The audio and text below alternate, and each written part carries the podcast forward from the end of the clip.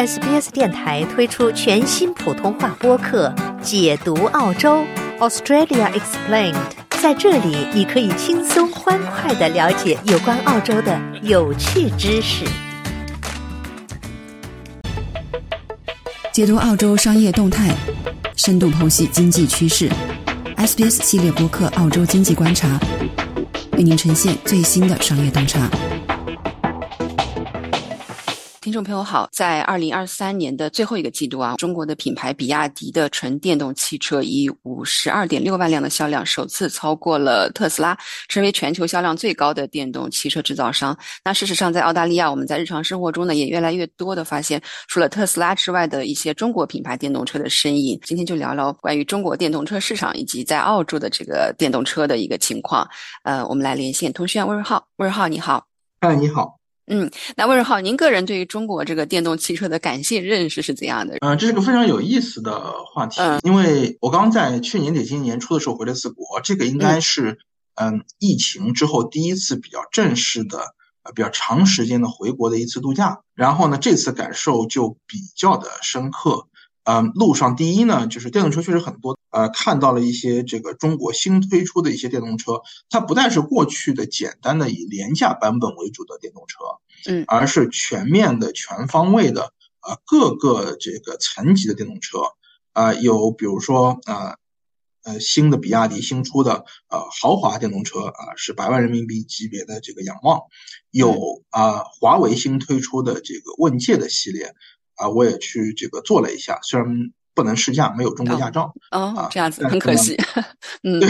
但是呢，去体验了一把，嗯，呃，各有各的不同吧，呃，但是可以看到的是什么呢？我们就说中国市场本身，嗯，出现了一个电动车全面取代油车的这样的一个趋势，嗯嗯，我觉得这里面的核心的因素呢，可能有两到三个，啊，最早的一个核心因素是因为啊，电价还是比油价便宜。然后呢，中国呢，往往呢，很多的平时的开车都是在城市里面的这个用车。第一，距离不远；第二，路况比较好；第三呢，呃，充电呢，这个也比较方便。方便，啊，很多地方都有充电桩。嗯。但是这次再去看的话呢，有了另外两个因素。什么因素呢？就是电动车突然间性价比比油车高了很多。以前会有一种啊，要不然只有中国能产廉价电动车，但性能肯定差一些；要不然呢，呃，像我们在澳大利亚经常看到电车要比。油车贵，但是呢，随着技术的进一步的这个呃拓展和非常激烈的竞争呢，啊，使得中国市场上呢，啊，电动车现在比油车价格便宜，而且呢，车里面的配置要比很多油车还要更好，非常多的高科技的这样的一些这个使用。啊，包括你像，呃，像华为进军电动车，最近小米也进军电动车。那么中国有很多是纯纯的，从一开始就是电动车起家的这样的一些车企。那么他们做电动车的思维不大一样，啊，包括像老牌一点的比亚迪，新的像华为。那么它在电子系统，它在科技化，它在智能化上，啊，可以说是在非常非常前面的。那么，呃，同时中国甚至可以推出像百万级别的电动车，而且依然有人买。买了之后还会有很多人投来羡慕的眼光，那么这个也很重要啊。这个意味着什么呢？意味着油车原本还剩下的那一些品牌的作用、品牌溢价也在逐渐的被剥夺，因为电车和油车似乎是两种完全不一样的东西。那么再加上呢，第三个呢啊，总还是会有一些呃国家和民族自豪感会牵扯在里面啊呃。不是一个非常负面的点，因为所有的国家都会有这样的一个呃，这个啊选择自己民族品牌的这样的一个趋势和倾向。那么啊，大家突然间发现电动车这个全世界啊出的最多啊花样最多，竞争最激烈，而且升级最快的是中国的电动车市场。于是乎啊，大家在电动车这个新的赛道上啊，起码在中国市场是认可本地品牌的。那么在这样的趋势下呢，本地品牌甚至可以推出比较贵的豪华版。因此，它就会有一个电动车啊，无论是从小型的到大型的，啊，这个便宜的到贵的到适中的，全面在取取代呃油车的这样的一个情况啊，这是个现实情况啊，所以嗯，在这样的情况下呢，中国的电动车的销量增长是非常非常快的。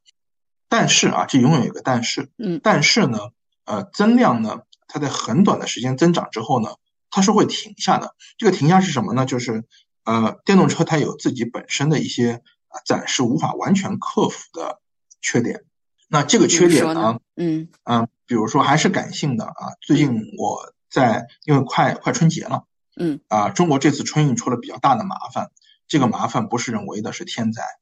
嗯，那么那个极端天气，嗯，极端的天气，严寒冻雨，嗯，那么呃，一方面铁路出问题了，第二方面在这样的环境下，电车开始出问题了。我们知道电池在低温下是会出现问题的，这是第一。第二，续航能力的不足，嗯，那么。春运呢，又正好是一个要进行长距离驾驶的这样一个过程。如果你的电车这个堵在了路上，然后呢，因为天气或者其他原因迟迟不能动的情况下，时间长了之后，你的电量就走完了。油车这方面受的影响要小啊，续航能力要强，而且呢，这个在高速公路上，你想找充电桩这个难度啊就会加大，排队时间可能会变长，这都是电车啊面临这样的一些问题。啊，所以呢，我们也可以看到啊，呃，中国的这个电动车的这个销量在，嗯，在今年的年初的时候，其实它的增量开始放缓了。嗯，是一月份的数字确实是好像有看到，确实是这样，是有所放缓的。这有经济的原因，也有其他各方面的因素啊存在啊。所以啊，电动车呢，呃，它的这个浪潮是非常明显的。嗯，但现在的技术并不会让所有的车都被电动车所取代。嗯啊。那么我们可以去看欧洲和中国市场，可能啊未来可能会有一半以上的车是电动车，但是油车还有自己存在的一些呃余地，这个可以拿来去参考澳洲市场未来发展，而且澳洲澳大利亚的这个居住出行习惯和中国也会有一些些的呃差别吧。当然了，澳大利亚还是非常落后的。这就要说到，就是在一边厢是这个中国的这个电动汽车蓬勃的发展，当然有很多市场因素，有很多比如说政府的大力的推广，包括对新能源车的这个比如说牌照的补贴啊等等等等的这些因素在里面。那再说回我们澳大利亚这边，就是我是看到一个不是最新的数，但是是一个二零二一年的数字，就是说澳大利亚的这个电动车的销售比例在所有的这个国际能源署成员国当中，应该说是相形见绌的，因为它的一个比例当时可能只有百分之二点八。而其他的一些国家可能有差不多平均下来百分之十左右的这样一个水平，那就要问个为什么？为什么在澳大利亚这样一个，就是因为之前我们也聊了锂矿，就是说澳大利亚是一个锂矿的大国，然后这又是生产电动汽车的一个比较重要的一个部件。那总体而言，在澳洲为什么这个电动汽车的这个就是销售情况会看起来就是还是相对比较落后的？如果要说原因的话，可能会有哪些呃原因可以来归纳呢？嗯，我觉得呃，第一大原因是最重要的原因。澳大利亚有锂矿，不错，但是澳大利亚并没有制造业啊。就澳大利亚有铁矿，澳大利亚炼钢并不行啊，这是一样的道理。就是你有原材料，但这个是非常非常上游、极端上游的原材料啊，你没有加工能力。呃呃，有有有一个很有意思的例子，我记得以前说过，澳大利亚产产木材，嗯，但是澳大利亚用来建筑使用的木材得从中国进口，澳大利亚只有原木。原木要运到中国去进行加工，加工成可以使用的一根一根的这个木头，再运回澳大利亚。那么这个加工已经是比较简单了啊，从锂矿变成锂电池，锂电池再装上一辆汽车，这中间的手续差了可能有有一千道啊，这些东西澳大利亚全部没有，所以澳大利亚没有任何的这个这方面的制造的经验，啊，也没有这个能力。而中国呢，有这样的一个市场和经验呃，从无论是政府的推动还是其他各种各样的原因吧，那么。啊，可以说在中国是卷出来了一些非常非常高质量的这个性价比很高的电动车，现在呢正在向全球进行销售，甚至有些数据显示呢，中国和日本正在竞争全球汽车出口第一名。啊，这个在三年前来跟我说，我可能都很难相信，变化太快了。但澳大利亚没有这样的一个土壤。这是一个，第二个呢，就是用车这个东西本身，因为澳大利亚呢是个地广人稀的这样的一个国家，那么大家对啊电动车会有很多啊疑问，其中电动车最大的问题就是续航，啊，因此呢，在这个角度来说呢，如果要经经常进行长途的这个呃呃开车旅行的话呢，电动车还是会有一些问题，嗯，那么第三个再往前推一步，啊，续航能力差一些呢，那么意味着你要多充电。那么澳大利亚的充电桩的布局也有很严重的问题，澳大利亚可以充电的地方太少，嗯，充电桩的，尤其是商用充电桩快充太少。澳大利亚有一个啊特别有意思的，可能在未来会是有利的点。啊，大家可能都觉得很少有有利，有一个有利的点，澳大利亚的独栋房屋很多，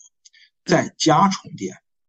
嗯，在家里给电动车充电是很方便的，甚至这个方便程度远超中国。嗯，因为中国大多数人是住公寓的，那你需要公寓的停车场里面先布局，那又是一个商业操作行为。呃，但是呢，在澳大利亚的话呢，自己家里这个装个插头插座可能就可以充了。啊，这个在未来的澳大利亚可能会成为一个很重要的点。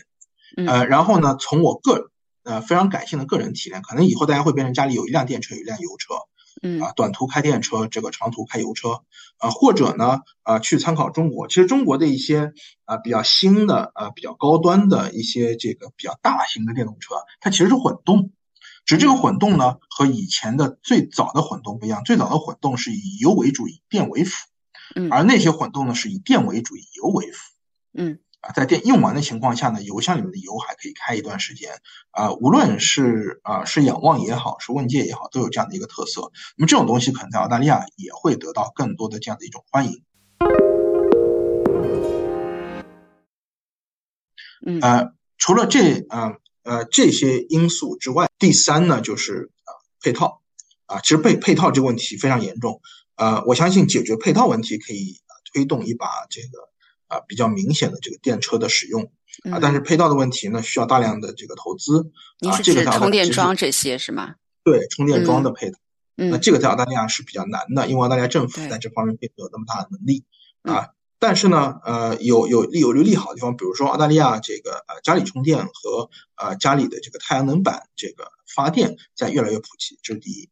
第二呢，呃，油价油价真的非常贵。嗯啊，这个会成为非常重要的，让大家去考虑电动车，以及呢，呃，只要家里可以充电，会去买一辆电动车的啊，非常现实的因素。所以呢，如果我们讲到澳大利亚的话呢，呃，有三个因素制约它，